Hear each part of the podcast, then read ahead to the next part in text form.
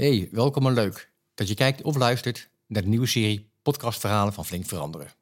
In deze serie staan we stil bij de recente ontwikkelingen in de maatschappij en de zorgsector. En specifiek daarin bij het maatschappelijk debat, de professionele dialoog en bij de dilemma's en hobbels die we daarin tegenkomen. Als je de gesprekken interessant vindt, willen we je vragen deze te liken en te delen met je collega's en op de socials.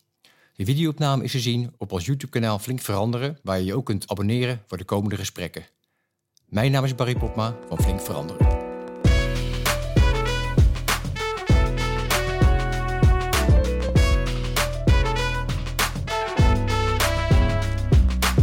Nou Jet, uh, dankjewel voor je komst. Dank voor de uitnodiging. je bent uh, begrepen hier al eerder geweest op een andere, andere podcast-opname. Dus was een bekend, ja. bekend terrein, begreep ik juist van je. Um, voordat je gaat voorstellen, um, eerst even uh, het boek. Um, nou, het staat ook op, ook op de achterkant hè, dat je belangrijke lessen trekt voor de toekomst. Dat je openhartig bent. Maar ik heb het ook als zodanig zelf ervaren in het boek. Ik heb, ik heb erop Mooi. gelachen soms. ik, vond er, ik vond er mooie anekdotes in staan. Het geeft je ook een. nou, het geeft mij een soort kleur en inkijkje uh, in wie jij als persoon uh, ook bent. Hoe je nou, de belangrijke dingen in je leven die je hebt meegemaakt. Maar ook een soort inkleuring van je professie. dus ik vond, het, nou, vond het mooi om te lezen. Dus ja, dank, dank, dank, voor dat boek. Um, nou, even voor niet alleen voor de luisteraars, sinds kort, maar ook voor de kijkers. je bent hoogleraar beleid, wetenschap en maatschappelijk impact aan de Universiteit van Leiden en het LUMC. Uh, voorzitter voor de Raad van Volksgezondheid en Samenleving. En daarvoor ben je staatssecretaris van VWS en minister van de OCMW geweest. Nou, een mooie kleurrijke carrière. um, nou, en je zegt ook in, ergens in je boek van... joh, ik ben het, uh, ik ben het ideale de politiek ingegaan. Um, voor gelijke kansen, uh, solidariteit en verbinding. Um, en helemaal aan het einde in je boek schrijf je van... nou, ik ben wat illusiarmer. Maar ik ben wel, uh, ja, ik geloof wel nog steeds in de idealen. Ik ben, uh, ik ben nog hoopvol. Nou, wat ik wil doen, uh, Jet, is om de opbouw van jouw eigen boek ook in, de, in, de, in het gesprek een beetje vorm te geven. En te kijken hoe we dus, nou ja, via ervaringen naar de concrete weg van oplossingen kunnen gaan. uiteindelijk, hè, we kunnen natuurlijk ja. met elkaar heel lang uh, terugkijken. Daar moeten dingen van leren, daar kunnen dingen van leren. Maar uiteindelijk uh, staan we nu voor in een bijzondere tijd met bijzondere opgaves, uh, denk ik. En willen we ook vooruit. En willen we ook vooruit, dus vandaar. Uh, nou, je geeft ook aan, het is als bestuurder soms ook navigeren tussen persoonlijke opvattingen, tussen politieke ja. idealen en, en dergelijke. Ehm, en nou, je hebt in je loopbaan een aantal bijzondere veranderingen meegemaakt. Ik zag een paar keer in je boek van, oh, nou, dat was een uh, moment van, uh, van verandering. Nou, ik, ik, las dat je als, uh, als student hè, nog in de krakersbeweging actief bent geweest. Je soms nog zorgen maakte van, goh, gaat men dat, daar politiek iets van vinden? Maar dat, dat viel reuze mee. actueel thema, hè? Met alle woningnood. Ja, precies, dus het, het speelt weer. Kun je, ja. kun je iets zeggen over die tijd, Jet, van, nou ja, waarin je hebt leren dansen op, op, op een koord van politiek en idealen en... Ja, nou, dat heb ik heel langzaam maar zeker uh, geleerd. Uh, ik, ik ben altijd vol idealen geweest. Ik was uh, als middelbare school, scholier voorzitter van de leerlingenraad. En ik verkocht aanzichtkaarten tegen de zeehondenmoord. en ik was actief in de lokale derde wereldwinkel. Uh, en ik wilde daar op een gegeven moment ook wel wat mee. En dat begon eigenlijk wel eerst met sociale bewegingen, meer buitenparlementair. Het was ook wel, ja, het waren de jaren 70, 80. Mm -hmm. Ik ging in uh, 1979 uh, studeren in Amsterdam. Um, en uh, een heel gepolariseerde tijd, maar ook een tijd met grote problemen. Dat is ook wel eens goed om, om dat te uh, te beseffen hè? dat we nu in een tijd van enorme uitdagingen leven. Maar dat de jaren zeventig met aan de ene kant woningnood, veel ongelijkheid, uh, uh, nog het begin van het feminisme, terreurgroepen als eraf, ook een enorme explosieve periode was. Ja, ja en van lieverlee um, um, begon ik wel steeds meer te denken: ja, je kan wel roepen en je kan wel demonstreren, maar wil je echt wat bereiken, dan heb je uiteindelijk uiteindelijk is er maar één weg en dat is de parlementaire weg. En ik ben even lid geweest van, uh, van GroenLinks, helemaal in het begin. Uh, maar ik vond dat toch, uh, ja, uiteindelijk paste dat niet bij mij hoe zij toen functioneerde. Omdat ik het eigenlijk wel te veel eh, ik wilde meer de, de verschillende groepen in de samenleving ook verbinden. En dat is natuurlijk wel van oudsher de strijd die de sociaaldemocratie geleverd heeft. Om als doorbraakpartij na de Tweede Wereldoorlog arbeiders, intellectuelen, kunstenaars, migranten, verschillende religieuze groeperingen met elkaar te verbinden. En, en dat is nog steeds een hele, hele actuele uitdaging. Misschien wel actueler dan ooit. Zeker. En. Ehm, en wat ik ook las in je boek, dat je een paar keer noemde het woord verrader. Dat je verraden voelde, of uh, dat, dat, dat, dat ook uh, de, de, je, je, je nou, sympathie voor GroenLinks, dat dat niet in uh, directe goede aarde viel bij iedereen. dus nou ja, als het gaat om verbinden ja. en vraagstukken bij elkaar brengen, dat, dat was niet altijd per se makkelijk. Nee, nee, zeker niet. Terwijl ik denk, als we ook vandaag de dag iets nodig hebben, dan is het het verbinden van verschillende denkbeelden. Omdat we anders moeten leren denken om problemen, die, die gaan we echt niet oplossen met de manier waarop we het in het verleden uh, gedaan uh, hebben. Um, en um, ja, ik heb altijd wel geprobeerd in de politiek om dicht bij mezelf te blijven. En, en dat, dat is lastig, want natuurlijk, je moet compromissen sluiten. Hè. Als je dat allemaal niet wil, dan, dan, dan moet je denk ik ook die kant niet op. Althans, moet je in ieder geval niet ook uh, regeringsverantwoordelijkheid willen dragen.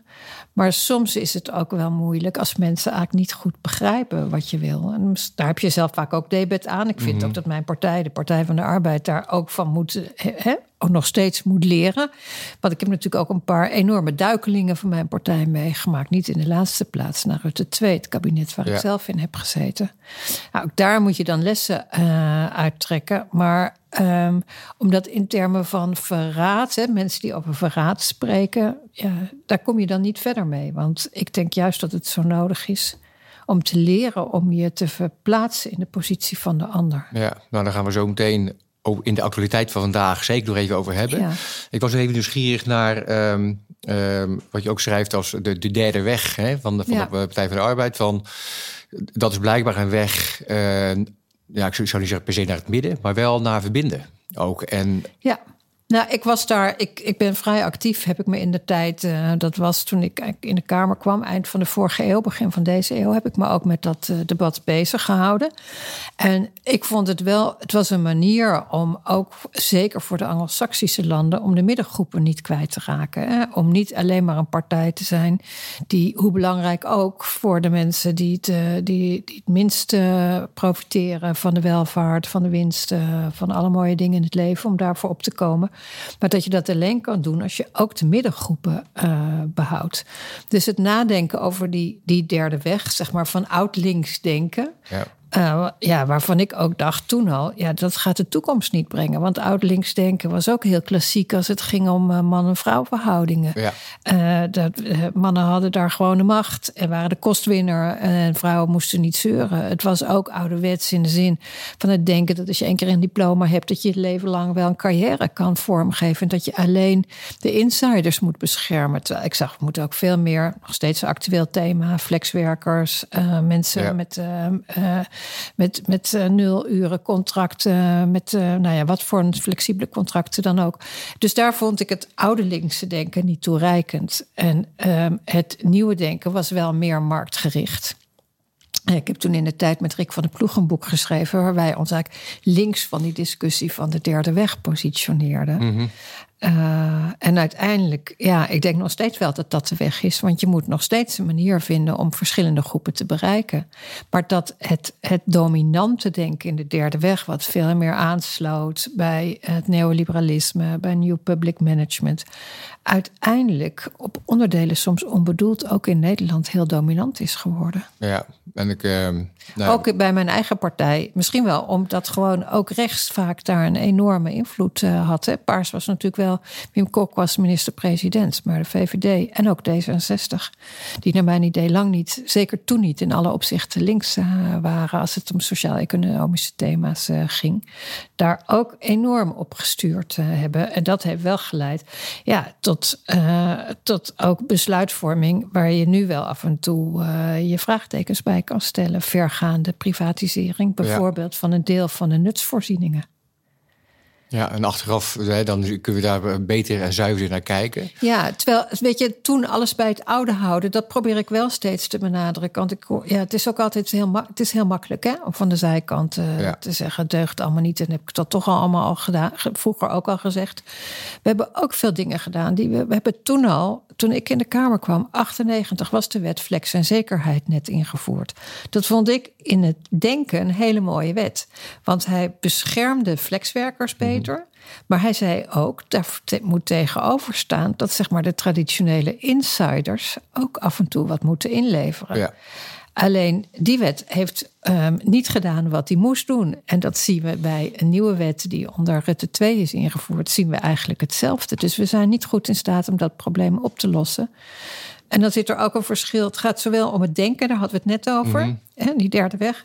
Maar het gaat ook, en dat is een heel ander groot probleem in, uh, uh, in de politiek, hoe je je denkbeelden vertaalt in wetgeving. En hoe zich dat weer vertaalt naar de uitvoering. Ja. En daar zit een enorme kloof. En daar heeft onder andere informateur Cenk Willink wijze uh, dingen over gezegd. Het gaat niet alleen in, om een kloof tussen Tweede Kamer en regering en, en informatievoorziening naar de Kamer, maar ook de kloof tussen burger en overheid en tussen beleid en uitvoering. Ja, daar maak ik me, daar maak ik me nog veel meer zorgen ja, over. Nou, dat doe je overigens in je boek aan het einde. Heb je een aantal mooie uitgangspunten waarin je ook ja. beschrijft. Hè, hoe, hoe kun je die, die, burger, die burger weer meer betrekken en daar, uh, ja, daar ruimte aan geven. Ik zag ook een paar keer in je, in je boek dat je woorden als hè, nuance, het debat, uh, de gelaagdheid van het, van het gesprek en de discussie uh, actief hebt opgezocht. Maar dat is blijkbaar ook niet zo eenvoudig om, dat, om daar Nee, ja, er is natuurlijk in, in een wereld uh, waarin ook de politiek steeds verder versplinterd raakt, waarin uh, je de aandacht in de media steeds groter uh, wordt. Uh, je eigenlijk um, um, ja, de Kamer soms gebruikt wordt als een podium om je eigen films en, en reclames te maken. daar verdwijnt nuance al snel. En ik denk dat nuance en ook samen met het je kunnen verplaatsen in de ander cruciaal is om tot gezamenlijke oplossingen te komen. En dat beschrijf ik ook, dat we natuurlijk ja, in de naoorlogse verzorgingsstaat dat een compromis. Daar mocht je trots op zijn. Want je had iets afgestaan van je eigen ideeën om tot een beter resultaat voor iedereen te komen. Dus tot een hoger doel te komen. Ja. En nu lijkt je wel een loser te zijn. Uh, want je hebt zomaar uh, iets weggegeven. Um, en nou ja, dat is met de kentering, met fortuin die ik heb meegemaakt. Ik doe wat ik zeg en ik zeg uh, uh, wat ik denk. Ik, ja. doe wat ik denk. Um, daar, daar, dat is een hele platte manier geworden, waarin alleen nog maar het eigen, uh, eigen mening centraal stond. Dus ook een ver doorgevoerd individualisme, ook in de politiek. Terwijl ja, politieke partijen, naar mijn idee, zijn opgericht om op te komen, in ieder geval mijn eigen partij, de PvdA, op te komen voor idealen, maar ook voor anderen. En niet alleen voor jezelf. En uh, ja, de politiek heeft natuurlijk ook in algemene zin uh, lang door uh, de dominantie van, van meer eigen verantwoordelijkheid nemen. Niet alles van de overheid verwachten. Heel steeds maar eigen verantwoordelijkheid, eigen verantwoordelijkheid benadrukt. En ja, dan krijg je misschien ook wel um, het type mensen nou dat denkt, ja, het gaat om mijn eigen verantwoordelijkheid en mijn eigen kinderen. In het onderwijs zie je dat goed, vind ik. We willen allemaal het beste voor onze kinderen, het beste onderwijs. En dat is heel begrijpelijk. Ja. Maar onderwijs is natuurlijk ook, het is een, een collectieve uh, een collectieve waarde. We zouden ons veel drukker ook moeten maken om goed onderwijs voor kinderen die, dat, die, die, die niet onze kinderen zijn, maar om wie we ons ook druk willen maken, uh, waar we ons mee verbonden uh, voelen. Ja, maar je schrijft ook in je boek dat, uh, ik weet niet of het een verbazing of een verontwaardiging of een vraagteken is, maar ook tegen beluisteren dat, dat onderwijs een kostenpost is. Ja, dat eigenlijk een soort hè, een, een, een, waarde is die je niet wij spreken kunt kwantificeren met, met geld, maar dat is een investering in de toekomst. Ja. Als zodanig. Ja, en het is een investering voor de hele samenleving. Want Ja. ook iedereen wordt er uiteindelijk beter van. Ja. Als niet alleen onze eigen kinderen, maar ook de kinderen van de buren en de kinderen uit andere gemeenschappen. Als die het best denkbare onderwijs eh, eh, krijgen. En we zijn nu toch vooral bezig om te zorgen dat nou ja, scholen die, die ook eh, die, die voelen zich ook afgerekend door eh, soms ook door de inspectie. Daar kan je nog over discussiëren of dat in alle opzichten eh, klopt. Maar ouders kiezen natuurlijk ook een school die, waarvan zij denken dat die het beste is. En wat je steeds vaker ziet, is dat scholen ook om die reden ehm, bijvoorbeeld eh, eh, geen VMBO meer of eh, MAVO meer willen aanbieden. Omdat ouders liever een HAVO-VWO-school kiezen. Ja. Ah, en dat is, nou, daar moet je dus tegenkracht. En daar is, daar is de overheid aan zet om dat ook te ontwikkelen. Dus daar is ook wel met andere financieringstromen, met ja, andere manieren om dat af te dwingen, ehm, is er wel wat mogelijk. Maar je moet natuurlijk ook proberen de sentimenten daar in de andere kant op te krijgen. Het is allemaal heel weerbarstig, maar ik denk wel heel erg noodzakelijk. En dus ehm, dat individu- individualisme, het denken in eh, eigen verantwoordelijkheid. Je ziet het ehm, heel sterk ook bij meritocratie. Hè? Eh, als je het goed met je gaat en je hebt een goed diploma en een goede baan, dan is dat een verdienste. Ja. Maar kom je op een of andere manier, gaat het ergens in je leven mis, ja, dan is het ook min of meer je eigen schuld.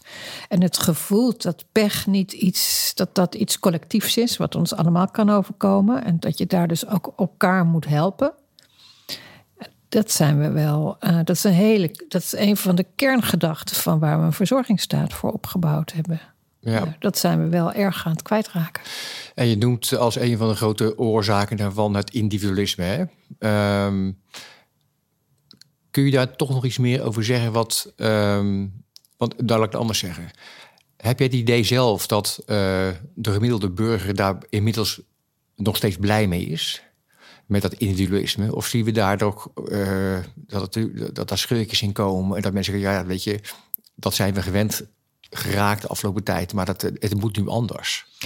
Ja, ik zie gelukkig wel, eh, wel een enorme kentering in, eh, eh, in de samenleving. En misschien ook wel versterkt door corona, maar ook los daarvan. Dat je ziet dat mensen eh, steeds meer vraagtekens stellen bij eh, een samenleving waarin het alleen maar om economische groei gaat, om rendement, om dividend. En dat er wel een behoefte is om weer veel meer naar waarde te zoeken. Nou, dat is ook een van mijn conclusies. We zouden daar moeten beginnen en dingen ook, zeg maar, de economische dominantie, de financiële dominantie in het politieke denken niet zo meer als vanzelfsprekend eh, moeten aannemen. Ik zie ook veel mensen die zich daarin anders organiseren. Eh, Kun je daar een voorbeeld van noemen? Nou, in, wat ik bijvoorbeeld mooi vind in de zorg is dat er heel veel zorgcoöperaties eh, ontstaan. Ik geloof dat we in Nederland nu meer dan 800, 800 zorgcoöperaties hebben. De een wat groter en de ander wat kleiner. De een professioneler en de ander misschien meer eh, eh, wat amateuristischer. Maar het zijn allemaal burgers die zeggen wij voelen ons betrokken op elkaar. Wij willen ook voor elkaar zorgen. En niet alleen als ik zelf iets nodig heb, maar ook voor anderen. Ehm, en dan hoop ik dat, dat, dat we dat zo kunnen ontwikkelen dat het zich niet alleen eh, nestelt in eh, de wijken eh, waar de, nou ja, Ja. de meer gelukkige, beter hoger opgeleide eh, rijke mensen wonen, maar dat je ook de brug naar, eh, naar anderen eh, slaat. Maar ehm, nou, je ziet het ook dat er aan de ene kant, als het gaat over een vluchtelingencrisis, zie je heel veel, eh, zie je natuurlijk de reflex van niet bij ons. Alles in, Ja. in een regio die blijkbaar een soort hemel ergens anders is, terwijl ze daar al verreweg het, het grootste deel van vluchtelingen opnemen. Maar je ziet ook mensen hier die zeggen: Ik wil wat doen. Ik wil zelf wat eh, betekenen. Een mooi initiatief in Nijmegen aan de hand van een eerdere vluchteling. Die heeft gezegd: het belangrijkste is dat je verbinding maakt met Nederlanders, met, met, met bewoners uit de stad. Ja. En ik geloof dat hij binnen een week dat hij duizenden eh, mensen had die ook iets wilden doen. Dus er is ook wel degelijk, er is echt ook een enorme behoefte. Dus in die zin ben ik ook niet eh, alleen maar pessimistisch. En ik zie ook bij politieke partijen wel breed dat ehm, eh, het denken in alleen maar in denken in termen van zeg maar efficiency, nou ja, wat we een beetje aanduiden als new public management, waarin de overheid en overheidsorganisaties als een bedrijf moesten um, functioneren. Ja, ja dat, dat daar echt wel breed een kentering is. Vanzelfsprekend uh, bij links, maar ik zie het wel breder dan dat. En die tegenkracht, hè? Um, um, daar ben ik zelf ook nieuwsgierig naar van uh, hoeveel ruimte krijg je als burger om je inderdaad om tegenkracht te laten horen? Um, wordt dat nog voldoende of genoeg gefaciliteerd? Um, kijk, de burgerinitiatieven zijn dat eigenwijze burgers die zeggen: Goh, ik, ik doe het gewoon. Of krijgen die ook inmiddels vanuit de overheid, vanuit beleid, ook wel steeds meer ruimte om die, eh, die te nemen, in jouw idee? Ja, dat is een hele goede vraag. Uh, ze zouden in ieder geval die ruimte moeten krijgen. Kijk, um, wat ik zie bij de, bij de overheid. Um, is dat daar een neiging is om, uh, te om problemen te beheersen. En daardoor om ze op te delen in kleine onderdelen, om ze te protocoliseren en om tegenspraak en ook onzekerheden een beetje weg te duwen. Ja. En ik zeg, we moeten echt van, van een beleid wat gericht is op beheersen en controleren moeten we veel meer naar een uh, beleid wat ruimte biedt voor tegenspraak. Um, en ook voor verbeelding. Ja, dat zit ook in de titel van, uh, van mijn boek. Dus creëer die ruimte om dat te doen. En, en uh, maak ruimte om tot nieuwe ideeën te komen. En doe dat niet, want er kan best wel veel. Dat zegt de overheid vaak. Uh, ja, maar het kan wel, want dan, hebben ze, hè, dan kan het wel volgens de regels. Maar het is wel tegen de stroom op. Je moet heel veel problemen die je tegenkomt, moet je dan zelf oplossen. Terwijl de vraag is, kan dat nou niet veel meer met de, met de stroom mee? Nou, en dat is een van je aanbevelingen ook, hè? Maar is het ook tegelijkertijd een van je illusie, uh, gestorven illusies? Uh, dat uh, de beleidsmakers toch te veel nog in de silo's werken, toch ja, enorm. versnipperd Ja, en, en ik, ik, ik pleit mezelf niet vrij. Ik heb het zelf ook gedaan. Ik geef ook een voorbeeld van mijn tijd als minister van Onderwijs. Dat we een rekentoets wilden invoeren. Want internationaal onderzoek wees uit dat het rekenonderwijs slecht was. Mijn voorgangster Marja van Bijsterveld had het al aangekondigd. Dus ik vond het ook een teken van uh, nou, bestuurlijke verantwoordelijkheid. Dat je niet alles onmiddellijk bij het grof vuil zet. Ehm, dus wij gingen een rekentoets maken. En er was uiteindelijk toch al vanaf het begin af aan eigenlijk heel weinig draagvlak voor. Veel kritiek op. Maar wat we gedaan hebben is steeds maar op dezelfde manier verfijnen. En, en, en uh, haakje eraan proberen te maken. En nog een laagje erbovenop. En eigenlijk waren we aan het doen. Hè? Einstein die heeft dat mooi gezegd. Dat het probleem nooit opgelost kan worden met de manier van denken waarmee het probleem is ontstaan. Nou, dat deden wij daar echt heel duidelijk. En dan zie je dat het niet werkt. Maar ik heb bijvoorbeeld met laaggeletterdheid. Uh, heb ik eerst drie directies in mijn eigen departement bij elkaar gekregen. Die eigenlijk alle drie met laaggeletterdheid bezig waren. Maar ook uh, allemaal in compartimenten. Dus ook de een volwassene educatie zat bij het MBO. Uh, directie emancipatie deed dingen met uh, laaggeletterdheid. En de bibliotheken, die vielen onder de directie kunsten. Nou, kunnen we dat nou niet, de verbinding daar zoeken. Nou ja, maar dat en was vervolgens een... SZW en VWS bijvoorbeeld voor gezondheid, bijsluiters.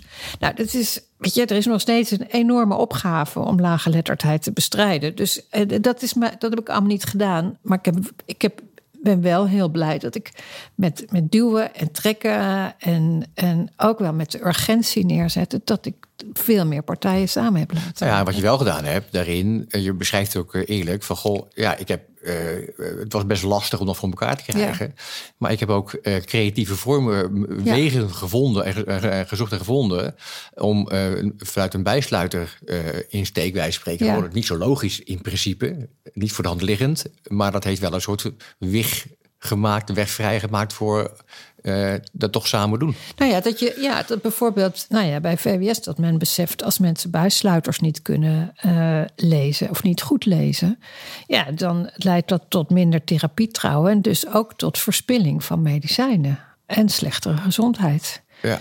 Uh, maar ik ben ook geholpen door, dat vond ik wel heel mooi, dat er heel veel initiatieven ook vanuit het veld zijn om laaggeletterdheid te bestrijden. En met name uh, ambassadeurs, mensen die zelf laaggeletterd zijn, daar heel cruciaal in zijn.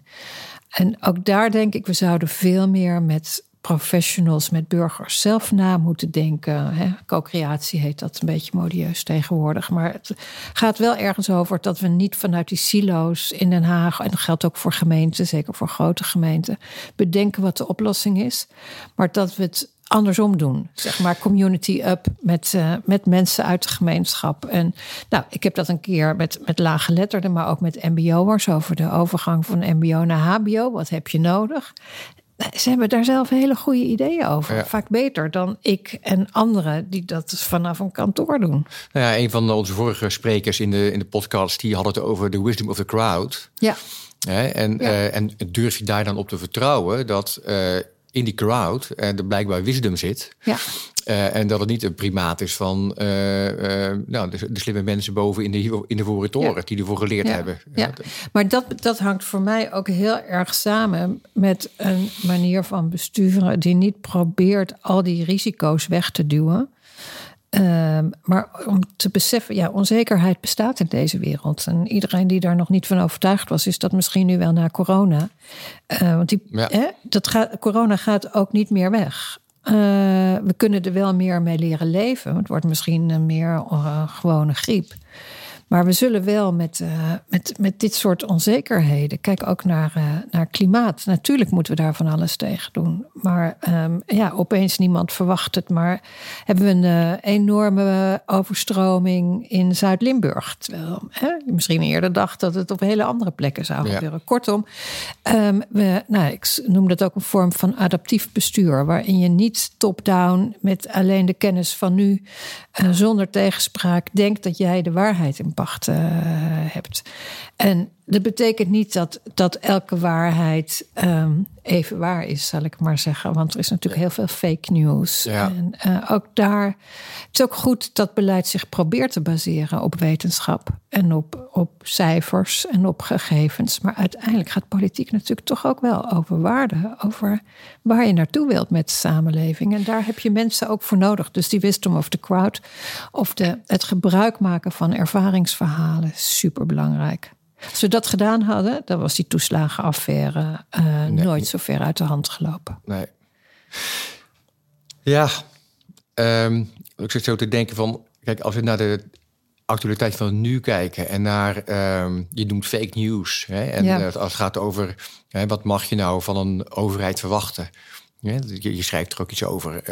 Um, uh, een betrouwbare overheid en hoe, hoe werkt dat dan precies? Hè? En wat mag je geloven? En wat, um, nou, daar werkt de media en de social media niet, niet erg in mee. Ja. Niet altijd. Hoe, nee. hoe, hoe ervaar je dat zelf? Want ik kan me voorstellen dat de, de, de, de, de slag van politiek en beleid, het ministerie naar daadwerkelijk uh, de, de, ja, de burgermaatschappij, die is soms lastig. Die is heel en die lastig. wordt niet makkelijker gemaakt door mediastromen en ja. weet je het nog? Ja, nee, ik heb natuurlijk, kijk, die hele social media, toen ik begon, bestond die nog helemaal niet. Uh, in 98 werd ik Kamerlid, 1998. Ja. En uh, ik weet wel, toen ik staatssecretaris was, toen ben ik gaan, uh, gaan twitteren. Maar daar ben ik ook weer mee, onmiddellijk mee gestopt. Want, want? Ik, nou, ik, ik, ik vond het. Ik, ik vind het goed kunnen twitteren als bestuurder, vind ik een, is echt een, een, een kunst. Ja. Want je moet niet zomaar alles de wereld in slingeren. En niet zomaar persberichten en ook niet zomaar je leuke koffie drinken uh, met wie dan ook. Dus dat moet betekenisvol zijn. Ja. En het moet niet te veel zijn.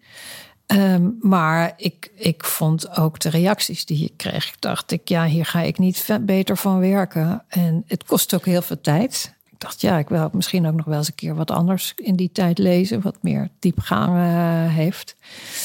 Uh, dus de social media speelt daar een enorm belangrijke rol in. Maar ja, ik denk toch dat de crux is dat je als overheid ook daar niet de houding aanneemt van wij weten het beter, wij hebben ervoor doorgeleerd en we hebben het bestudeerd en nu gaan we het zo doen. Maar dat je ook met mensen die anders denken, dat je daar de dialoog mee uh, aangaat. En uh, nou, ik beschrijf in mijn boek dat ik uh, als staatssecretaris de HPV-vaccinatie heb meegemaakt tegen baarmoederhalskanker bij meisjes. Het was in de tijd dat social media echt enorm opkwam. Ik vind dat we dat toen niet achteraf niet goed hebben aangepakt. Omdat we steeds maar met het RIVM vertelden waarom het wel moest. En Mhm. dat de wetenschap dat had uitgewezen. En het was allemaal prima, er was ook niks mis mee. Maar we drongen niet door tot die groep die bang was, die de overheid niet vertrouwde. Die zei: Ja, maar als er nou echt wat is, wat gaat de overheid dan doen? Wij zeiden alleen maar: vertrouwt u maar op ons. En stuurden we Coutinho, die in de Ja. tijd eh, eh, zeg maar de baas van het OMT was, de media in. En we hadden veel meer die dialoog moeten zoeken. En eigenlijk zie ik nu wel weer hetzelfde. Dat mensen voelen zich ook weggezet als, als domme wappies.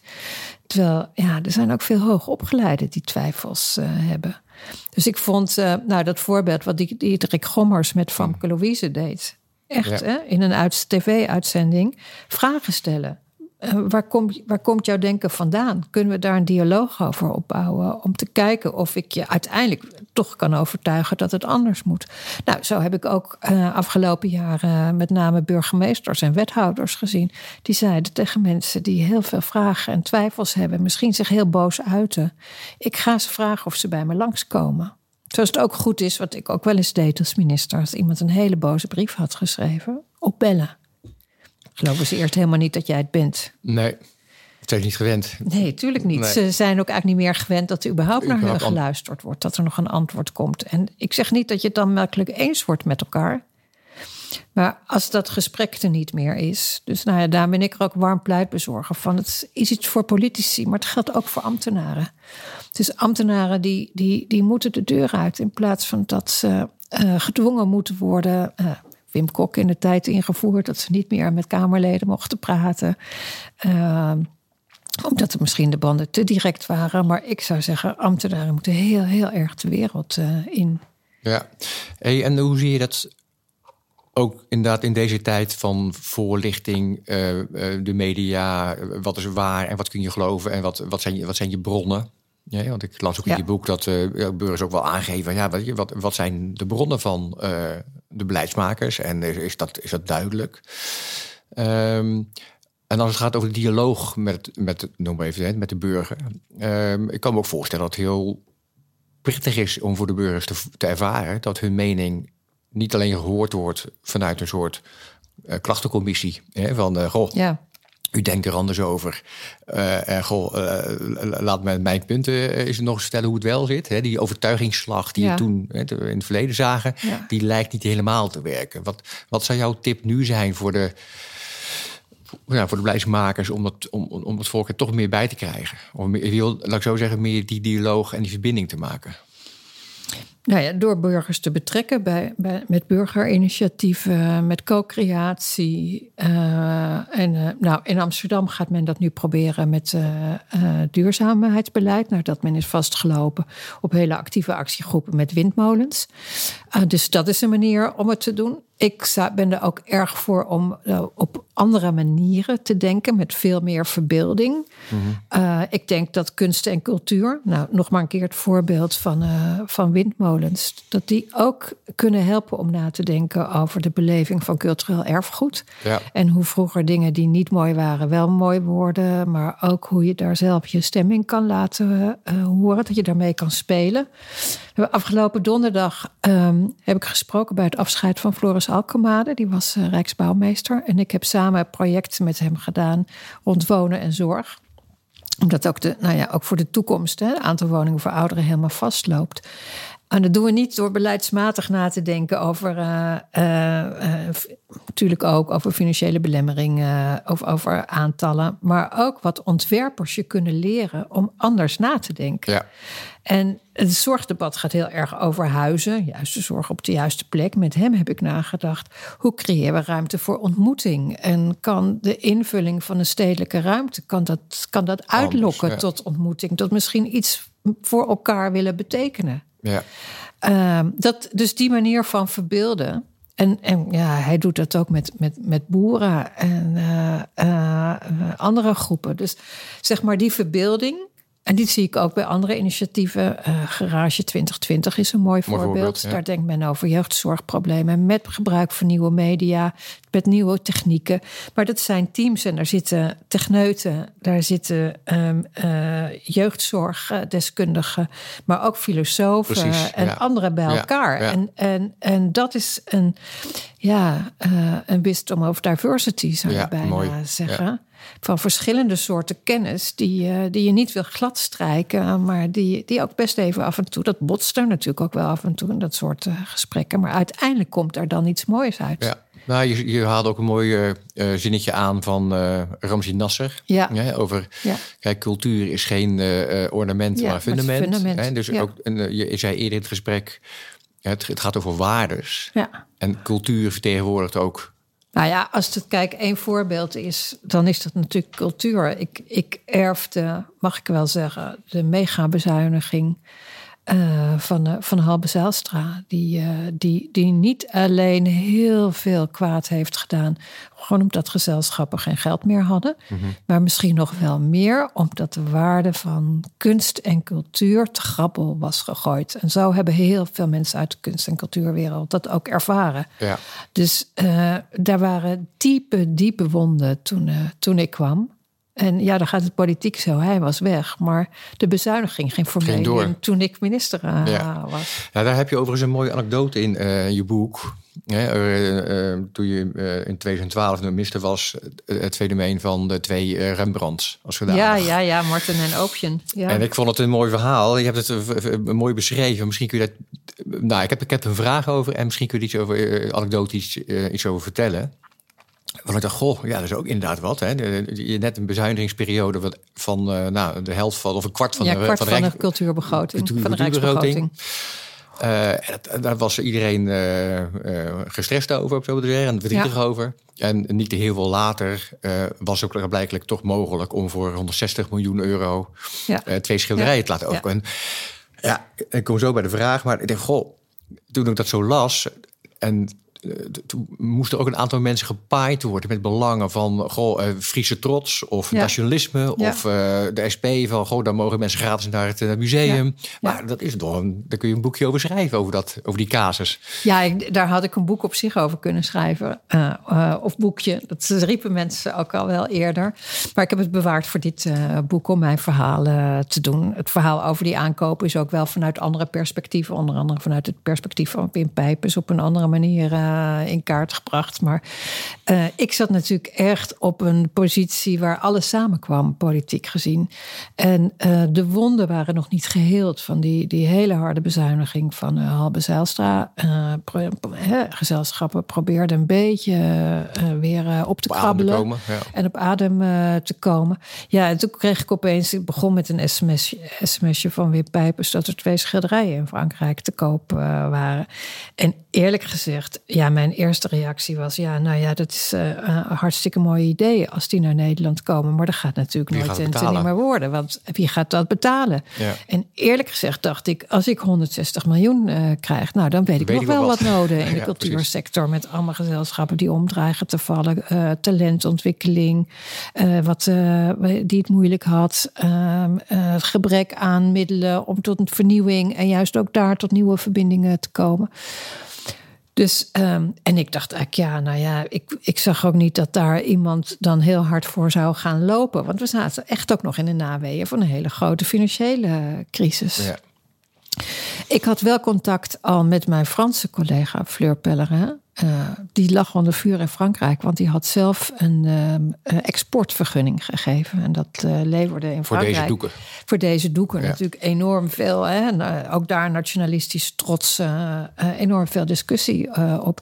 Dus wij hadden wel bedacht, we weten niet of wij het kunnen betalen of, of hoe het gaat. Maar laten we wel samen de familie Rothschild, die de doeken had, een brief sturen dat we betrokken willen zijn. Al is het maar om te voorkomen dat die binnen een week aan een oliesjeik eh, ergens in eh, waar dan ook Ja. wordt verkocht. En helemaal nooit meer voor het Dat was geloof ik het, beste argument om Wilders eh, aan boord te houden. Ja, dat was uiteindelijk, kijk, het is een knap uh, uh, kunstje geweest van uh, Alexander Pechtold met steun van Halbe Zijlstra en Wim Pijpers om allerlei Kamerleden naar het, naar het Mauritshuis te halen en ze allemaal een eigen argumenten geven waarom ze daar dan toch zou, voor zouden moeten zijn.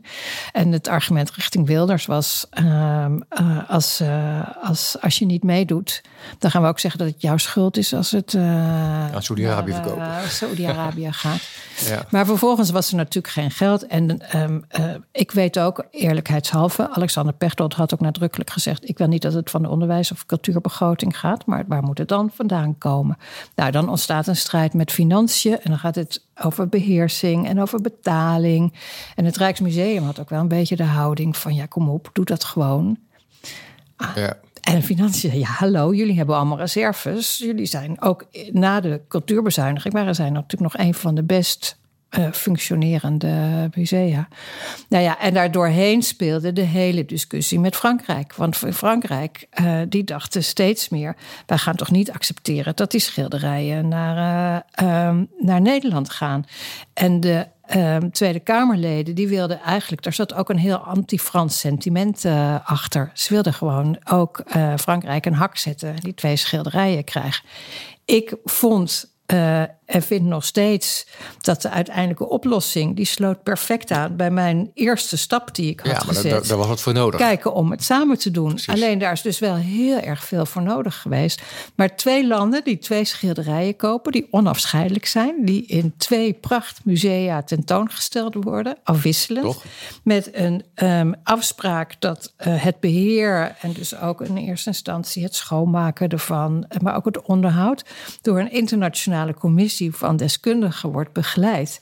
Ja, dit, het sluit zo mooi aan bij de Europese gedachte, bij het verbinden, bij het delen van kennis en cultuur. Ja, maar wat ik dan als, uh, als politieke leek, dan als burger dan afvraag, als ik het zo lees van goh.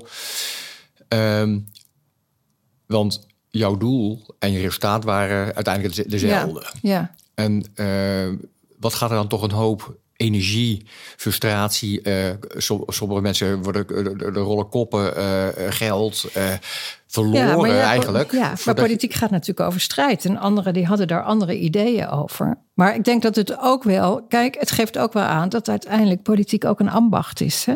Uh, waarmee je, je, dit, er waren hier zoveel belangen en zoveel dingen die speelden. Want er speelde um, dat, uh, de, uh, de rol van Alexander Pechtold, want die was een van de partijen die hielpen om meerderheden in de Eerste Kamer te krijgen. Dus daar D66 was belangrijk. Het was vlak voor de algemene politieke beschouwingen. Mark Rutte die wilde niet dat die politieke beschouwingen de mist in gingen door de discussie over twee schilderijen. Mm Er speelde de discussie tussen departementen. Ik wilde geen geld besteden uit cultuur en onderwijs. Financiën zei, als we iets gaan doen, dan moet je ook uh, meedoen. Maar wij gaan het niet alleen doen. Daardoorheen speelde de houding tussen musea Kijk, uh, musea in Nederland zijn veel onafhankelijker dan uh, in. Als ik keek naar mijn Duitse en Franse collega's, ministers van cultuur. Ja, die hadden. Daar deed een museumdirecteur uh, nee, niet dit soort grappen zonder dat de minister het wist. Ja. En dan heb je nog de ingewikkelde verhouding tussen Nederland en, en Frankrijk. En, en die werd uiteindelijk alles bepalend. Want toen Frankrijk het idee kreeg dat ze voor schut gezet werden toen zijn ze heel, heel hard gaan optreden. Nou, en ik, ik vind het toch ook een mooi voorbeeld van. Um, kijk, de gemiddelde burger krijgt dat niet echt mee. Nee. dat gaat in de media, eh, op een, een krantenkop. En uh, nou, voor je weet heb je daar een mening over. Ja. En daar vind je het wat van. Ja. Um, en hoe, hoe hou je nou in toch zo'n politiek lastig onderwerp? en, en, nou ja, uh, je schrijft ook in je boek, uh, introduceert het, het woord de, de wicked problems. Ja. en taaie vraagstukken. Ja. Um, uh, hoe hou je daar nou terug naar het begin van het gesprek ook de, de burger een beetje erbij? Dat hij, dat hij blijft snappen, oh ja, dat, dat zijn die luidjes daar aan het doen. Nou ja, de, daar, dat is een van de redenen waarom ik dit boek heb geschreven. Om, uh, om een beetje uit te leggen wat er achter die, uh, die, die, die, die, die ja, toch zeg maar de black box die veel mensen ervaren over de politiek. Wat daarachter schuil gaat en waarom het niet zo simpel is om te, om te denken dat als je minister wordt, dat je dan alleen maar hoeft te roepen wat er nu eens moet gebeuren en dat het dan allemaal wel gebeurt. Ja. En op dat moment zelf kan je daar vaak natuurlijk maar weinig over zeggen. Het is een beetje geldt hetzelfde wat nu in het groot natuurlijk speelt met, uh, uh, met een regeringsformatie. Als je daar elke dag alles over gaat vertellen aan uh, de pers, dan, dan kom je niet ver. Nee. Dus er is ook om vertrouwen te kweken, om oplossingen te zoeken, om compromissen te bedenken. Is het ook nodig dat je niet alle deuren en ramen openzet? Maar ik vind het wel belangrijk dat er momenten moeten zijn waarop die verantwoording dan wel wordt afgelegd. Ja. En uh, dat moet vooral in de Tweede Kamer. En daar is natuurlijk wat ik wel, um, wat ik heel zorgelijk vind. En zeker met de versplintering wordt het alleen maar erger met kleine fracties. Is dat er heel weinig aandacht nog is echt om te verantwoorden. En om ook over langere lijnen na te denken. Het gaat allemaal over de incidenten van, uh, van vandaag.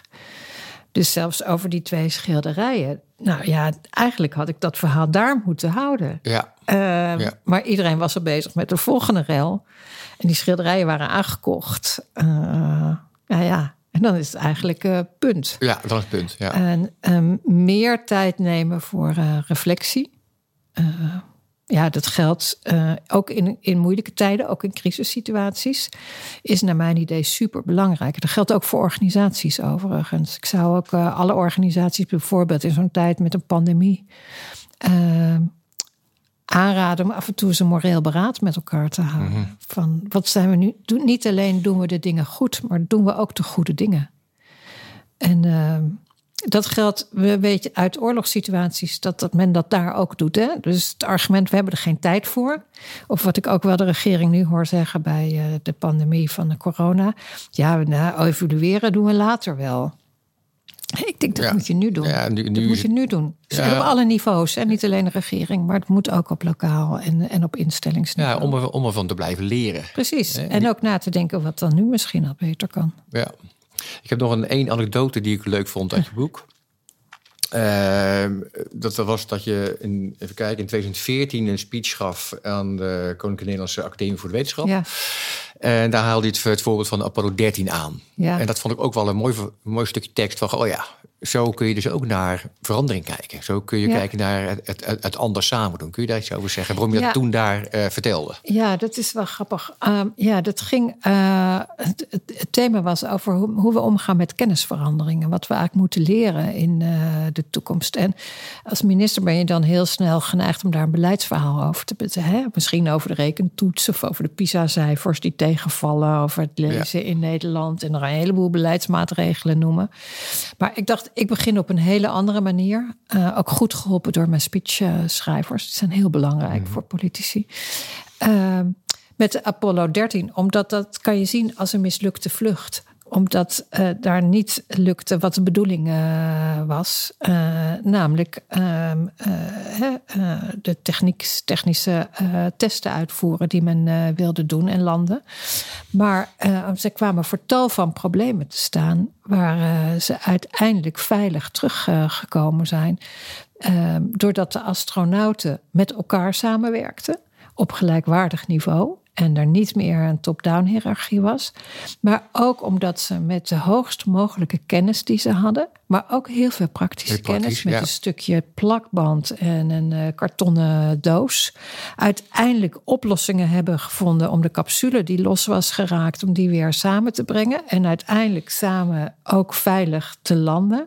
Dus ja, ik presenteerde dat niet als een mislukking, maar Mhm. als iets wat een, ons laat zien wat, uh, waar kennis over gaat. En dat Ja. kennis over meer gaat dan alleen de kennis van de techniek die ze van tevoren wel geleerd hadden. Maar dat kennis ook gaat over delen daarvan, het samenwerken, de praktische uh, kennis. En dat we daar het beleid voor de toekomst op moeten uh, bouwen. En wat ik heel mooi vond, ik heb echt, nou ja, het is een van de speeches waar ik uh, verreweg het meeste reacties op heb gehad. Omdat mensen opeens het gevoel hadden dat de minister van Onderwijs iets zei wat zij herkenden, Ja, waar zij mee bezig waren. Ja. En het niet een traditioneel beleidsverhaal was. Terwijl Ja. er zaten wel ook, uiteindelijk zitten daar beleids, hè, waarom bijvoorbeeld cultuureducatie zo ontzettend belangrijk is. Ja. Omdat je dat leert om, om weer op een andere manier uh, naar je eigen wereld te kijken. Om die verbeelding uh, toe te laten. Uh, maar niet in de traditionele zin. En ik was zelf wel heel erg verrast door dat echt, ik geloof dat, dat social media ontplofte, dat Twitter ontplofte toen ik die lezing had gehouden. Ja, wat ik ook zelf ook mooi vond eraan, is dat um, de ja, de, de, de wetenschap, hè, of in ieder geval uh, oplossingen uh, en veranderingen in de toekomst, niet alleen maar voorbehouden zijn aan uh, nou, mensen die daarvoor gestudeerd hebben, nee. en, maar dat je het gewoon samen, heel, of soms ook heel praktisch bij elkaar kan ja. brengen. En dat het ook weer iets wordt wat we samen kunnen. Ja, ja dus je kan het. Ik bedoel, zij, hè, zij konden daar in een extreem moeilijke situatie uh, midden in het heelal. Ja. Uh, maar wij kunnen dat klein ook met, met de zorgcoöperaties die ik noemde, met een initiatief als Garage 2020, met heel veel andere initiatieven, met de initiatieven met de Rijksbouwmeester. Het zijn allemaal voorbeelden. Ja, ik noem dat op het eind zeg maar de maakbaarheid van onderop. Ja. Uh, die, die helemaal terug naar het begin en die derde weg we moeten niet terug naar oud, nee. uh, hiërarchisch, uh, progressief of socialistisch, hoe je het ook wil noemen, denken. Waarin we top-down weer van alles bedenken. Want we hebben, we zien aan ook heel veel wetten. Nou, neem zo'n wet flex en zekerheid, maar er zijn tal van anderen die eigenlijk dan toch niet voldoende doen wat we eigenlijk wilden dat ja. ze deden. Dus ook daar moeten we op een andere manier uh, leren denken. En ik, ik geef ook toe, die, die, die speech over de Apollo 13 was ook wel een manier om afstand te nemen van het rendementsdenken, wat ook bij onderwijs wel heel erg uh, dominant geworden was. Ja, ja, dat schreef hij mooi. Je zegt, ik lees hem even op. Onderwijs moet gaan over het ontwikkelen van onafhankelijkheid, tegenspraak ja. en kritische distantie. Ja, ja. He, en ja. Niet zo, ja dat vind ik nog steeds. Ja. En dat, ja. Is dat toch een, is dat een, een, een, ideaal wat nog overeind is gebleven? Ja, zeker. zeker. Uh, en, en natuurlijk, onderwijs moet ook gaan over talen rekenen. Dat moet je niet verwaarlozen. Uh, maar het idee dat, het, dat goed onderwijs alleen maar onderwijs is... waar veel mensen snel een papier krijgen... en waar het om aantallen gaat en KPI's... Uh, dat doet geen recht aan uh, de intrinsieke waarde van, van onderwijs. Ja. Ik heb een laatste vraag, uh, Jet. Um, nou, ik werk in de zorg, zo om te zeggen. Ja. nou, daar is natuurlijk het, het vraagstuk van personeel, beschikbaarheid. Um, ontzettend belangrijk en uh, een hot topic nu, al een tijd. Uh, ja. We zagen onlangs dat uh, de commissie van Doekle Terpstra ja. zichzelf beoogde ja. op, te, op te heffen. En die zeiden van, goh, jongens, we hebben nu echt lang genoeg nagedacht. We hebben de onderzoeken gedaan. We weten hoe het zit met de arbeidsmarkt, met de mobiliteit en waar de vraagstukken liggen. dus hef ons maar op. Laten we gaan doen. Ja. Um, nou, als het dan gaat over verbeelden en over, en over ruimte geven en anders denken, dan is daar nog wel even wat te, wat werk te verrichten. Ja, ja. kijk, ik, uh, ik ben het met Doekle Terpstra eens dat er veel meer mogelijk is dan nu gebeurt. Dus dat er meer gedaan kan worden. Maar ik ben het niet met hem eens dat we dus maar moeten stoppen met denken. Sterker nog, ik denk dat als er ergens verbeelding nodig is, dat dat daar is. Ik ben ook voorzitter hè, van de Raad voor Volksgezondheid mm -hmm. en Samenleving. Daar hebben wij eerder ook rapporten ook over de arbeidsmarkt uitgebracht. We zijn nu met een team bezig aan het nadenken over anders leven, anders zorgen. Ook over de verhouding tussen professionele informele zorg en mantelzorg in de toekomst. En misschien ook burgerinitiatieven. Uh, want we lopen helemaal vast. En ook als we het nu anders gaan doen, moeten we echt anders gaan denken. En dan moeten we anders gaan doen. En vervolgens ook op een andere manier onze verantwoording, bijvoorbeeld administratief uh, organiseren. Uh, want in 2040 hebben we straks de mensen niet meer. Dus ik zie ook dat er nu in de langdurige zorg dat men nadenkt. Ja, mensen zeggen dat er verpleeghuizen nu bijgebouwd moeten worden.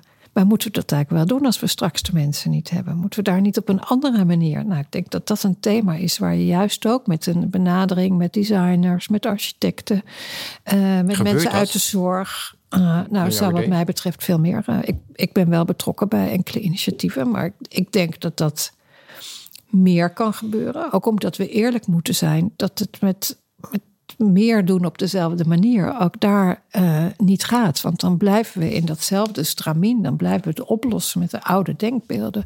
Maar dat is heel moeilijk. En het is ook niet alleen maar mooi natuurlijk. Want het geeft ook aan dat er grenzen zijn. Ja. aan, uh, goed, aan wat je... mogelijk is. Maar daar moeten we dan maar eerlijk in zijn. Niet eerlijk zijn en, en verbloemen wat de problemen zijn. En ook daar dan maar wegduwen. Ja. Uh, en het proberen um, te vertalen naar, naar kleine brokjes waar je wel controle over hebt. Dat helpt niet om op lange termijn de steun van de bevolking te krijgen. Voor moeilijke veranderingen. En dat zijn die, die trage vraagstukken hè? en die, ja. uh, die wicked problems, om maar zo te zeggen. Kijk, en ik denk dat de gemiddelde bestuurder van een zorginstelling dat wel snapt. Ja. Uh, maar dat toch nog vaak lastig vindt om die taaiheid, die traagheid. Uh, want je moet ergens ook in de traagheid moet je wel in beweging blijven. En ja. wat, wat zijn krachten naar jouw idee die dat eh, toch lastiger maken om dat te doen? Nou ja, uh, dat begint al met, met uh, de day-to-day business, zeg maar zeggen. de problemen die elke dag op je bord komen, die, die opgelost moeten worden. Het feit dat je verantwoordelijk voelt voor je eigen instelling. Dus je bent dan toch werkgever. Dus ja, ja, dat is goed voor mijn eigen mensen zorgen. Dus daar ook veel meer het algemeen belang in plaats van in deelbelang denken. Dat is echt een. Ik zie het wel. In Rotterdam doen bijvoorbeeld zorgorganisaties proberen dat althans echt te doen. Ja. Dat is mooi. In Zeeland zie ik ook goede initiatieven. Um, dus dat, dat, dat is al een, uh, een stap in de goede richting. Maar sommige in, uh, zeg maar beleidsinstrumenten helpen ook niet. Uh, Geef je een voorbeeld? Nou, um, als die gebaseerd zijn op outputfinanciering, wat we nu zien. Nou, dit is echt, gelukkig zeggen nu al meer mensen daarvan. Daar moeten we dus echt gewoon mee stoppen. Want het systeem stimuleert dat je maar zoveel mogelijk operaties en handelingen wil verrichten. En productie draait. In plaats van dat je afvraagt, wat is nu waardevolle uh, of zinvolle zorg? zorg ja. ja. Ja, het is zinnige zorg. Ik zou ook zeggen, ik voeg daar dan aan toe ook waardevolle zorg. Dat ik ook die waarde van. Nou, en het geldt ook niet dat dat voor iedereen hetzelfde is. Ook daar vraagt dat je de dialoog aangaat. Dat artsen ook leren om de dialoog te voeren. Um, is het altijd nog met iemand met name op latere leeftijd nog wenselijk om te behandelen als je kanker hebt? Uh, wat, is, wat, wat betekent dat voor de kwaliteit van leven die je nog uh, ja. hebt? Maar het zijn moeilijke gesprekken. En dat vraagt dus ook tijd om dat te doen. En misschien ook veel meer deskundigheid om dat te, te leren. Nou ja, en dan toch even de laatste. Um, we hadden het over onderwijs en diploma's. En um, ja. uh, ik, ik, heb ook het idee dat er meer ruimte gegeven kan worden aan leren in de praktijk. Dat de diploma's niet per se altijd nee. de enige maatstaf zijn om Nee, sterker nog, uh, zeker in de zorg waar, te, waar ontwikkelingen heel snel gaan, uh, ben je er niet meer met een diploma uh, alleen. Dus zou je moeten stimuleren dat mensen le zich leven lang kunnen ontwikkelen met deelcertificaten, met het combineren daarvan. Nou, waardoor je misschien als MBO'er ook via het behalen van een aantal deelcertificaten uiteindelijk een he, kan laten zien dat je HBO-waardig kan, kan werken. Ja. En um, dat vraagt ook dat we daar dan ook de statussen tussen verschillende beroepsgroepen niet groter maken dan, uh, dan ze zijn. Dat we ons daar ook proberen te verplaatsen in de positie van de ander. Maar het betekent vooral dat we ook um, degenen die in direct contact met patiënten staan, verpleegkundigen, verzorgenden, dat we ook hun kennis hun ervaringskennis en dat wat ze horen van mensen, dat we dat meenemen, zodat het niet alleen besluiten op evidence-based uh, uh, labresultaten ja. beoordeeld worden, maar gewoon ook op de verschillende waarden die individuele mensen, individuele patiënten en hun familieleden en hun mantelzorgers belangrijk vinden. Ja, en daarop durven vertrouwen, denk ik ook. En daar dus op, ook op die waarneming ja. van anderen. Ja, ja. Een laatste ideaal waarmee uh, dit uh, gesprek uh, beëindigd kan worden. Jet, wat, wat wil je nou, luisteraars meegeven? Wat zou een ideaal zijn wat nou, nastrevenswaardig is? Voor de nou ja, blijf, blijf, blijf, vragen stellen, blijf je, blijf je verwonderen. En, en van daaruit zoek de verbeelding en, uh, en de verbinding met anderen. Dus denk na of je ook zo'n groep kan vormen bij de problemen die jij tegenkomt. Waar je niet dezelfde mensen die steeds al uh, aan dat probleem gewerkt hebben. Misschien ja. ook dat in de tijd er al zaten dat het ontstond. Maar ook hoe je anderen daarbij kan betrekken. Want die manier van denken, die kan klein en groot. En die begint denk ik vooral met klein.